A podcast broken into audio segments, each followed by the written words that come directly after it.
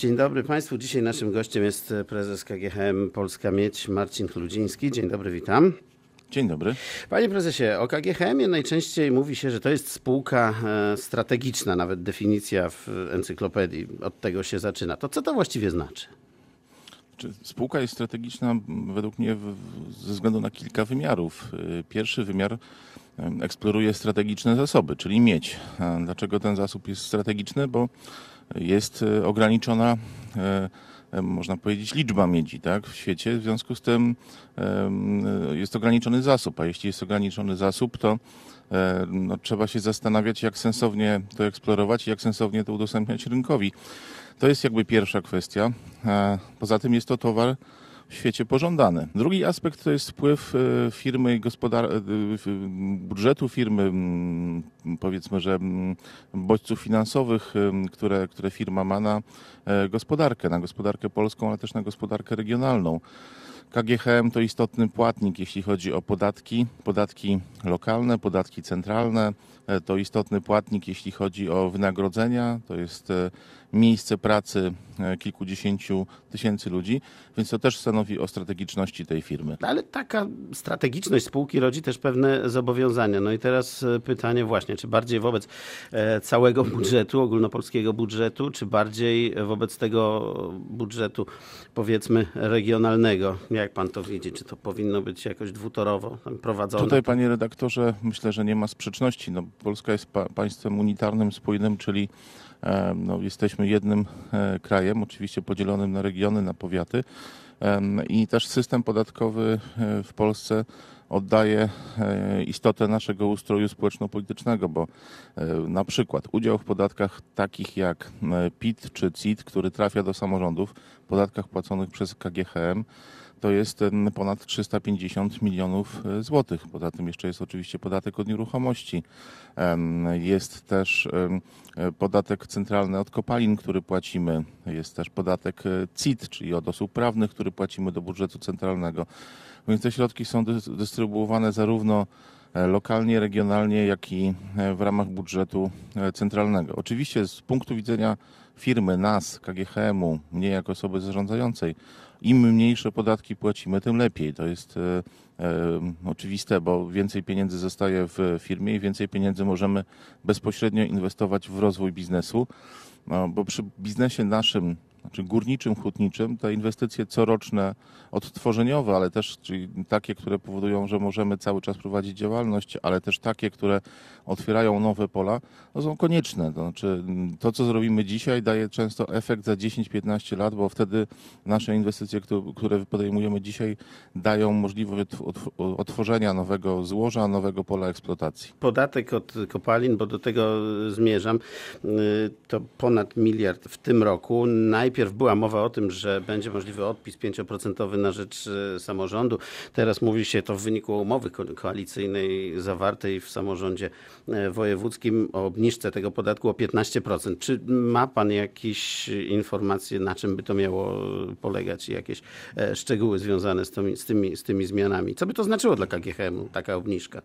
To znaczy ta, ta, ta, pierwsza sytuacja, o której powiedział pan redaktor, czyli możliwość odpisu pieniędzy, które przeznaczamy na rzecz samorządów, a to czynimy co, co roku, bo różnego typu darowizny, e, nasza społeczna odpowiedzialność biznesu na działania samorządu, na ochronę zdrowia, na kulturę, sport, edukację, to, to, to są kwoty rzędu 50 milionów złotych. E, to, to po prostu o, taki, o, o, taką kwotę podatek mniejszy byśmy zapłacili. To zapowiedział premier, zapowiedziała pani minister finansów. Oczywiście cieszymy się z następnej zapowiedzi, e, możliwości zmniejszania naszych obciążeń, ale co do szczegółów, to tutaj myślę, że trzeba się posłużyć rozmową z, z właśnie z przedstawicielami rządu, którzy stanowią prawo, no bo to jest... Nie no, bo myślałem, że do Państwa coś dotarło może już w międzyczasie i będziemy mogli Panie się dowiedzieć. redaktorze, do nas zawsze dociera, ale wtedy, kiedy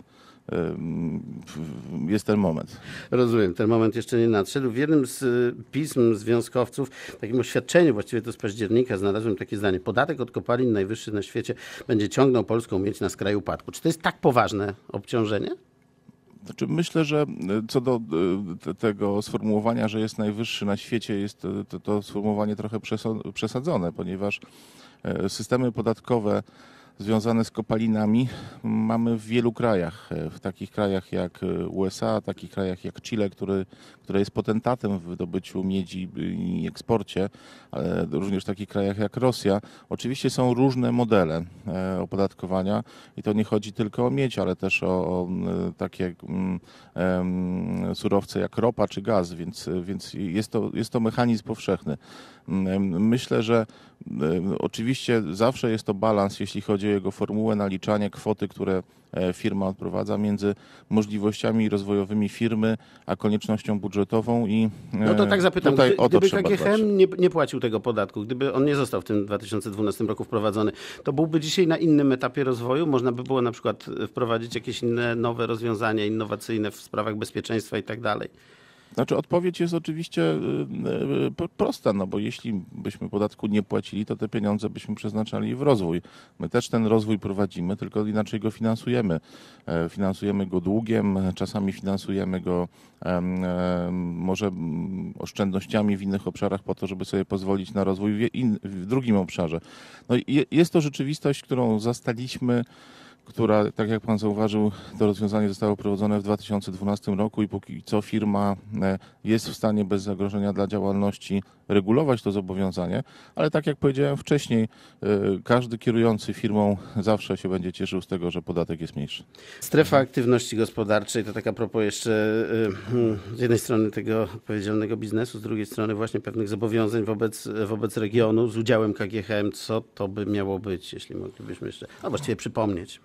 Tak, to, to jest rozwiązanie, które w wielu miejscach w świecie funkcjonuje, czy w Stanach Zjednoczonych, czy, czy w Chinach, czyli w miejscach, gdzie jest pewien przemysł, stwarza się specjalny rodzaj przemysłu, czy, czy rodzaj przemysłu wydobywczego, czy, czy jakiegoś innego, innowacyjnego.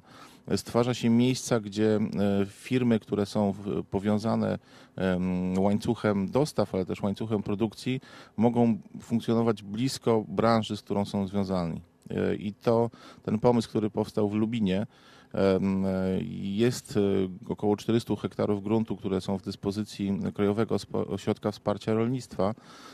Krajowy Ośrodek Wsparcia Rolnictwa wyraził wolę przekazania tych gruntów, bo jest możliwość ustawowa Agencji Rozwoju Przemysłu. Z kolei Agencja Rozwoju Przemysłu to instytucja, którą doskonale znam, bo mm, kierowałem nią przed KGHM, zarządza strefami ekonomicznymi w Polsce i ma też możliwości nakładów inwestycyjnych na urządzanie dróg, urządzanie infrastruktury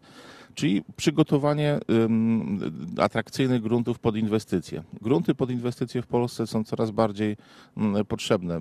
Podam przykład. Kobierzyce e, LG Chem, akurat znam e, tą sytuację, ponieważ lokowałem produkcję baterii elektrycznych w 2016 roku jeszcze, jeśli chodzi o rozwój e, LG Chemu. Mówimy tutaj o bateriach do samochodów elektrycznych, duża fabryka.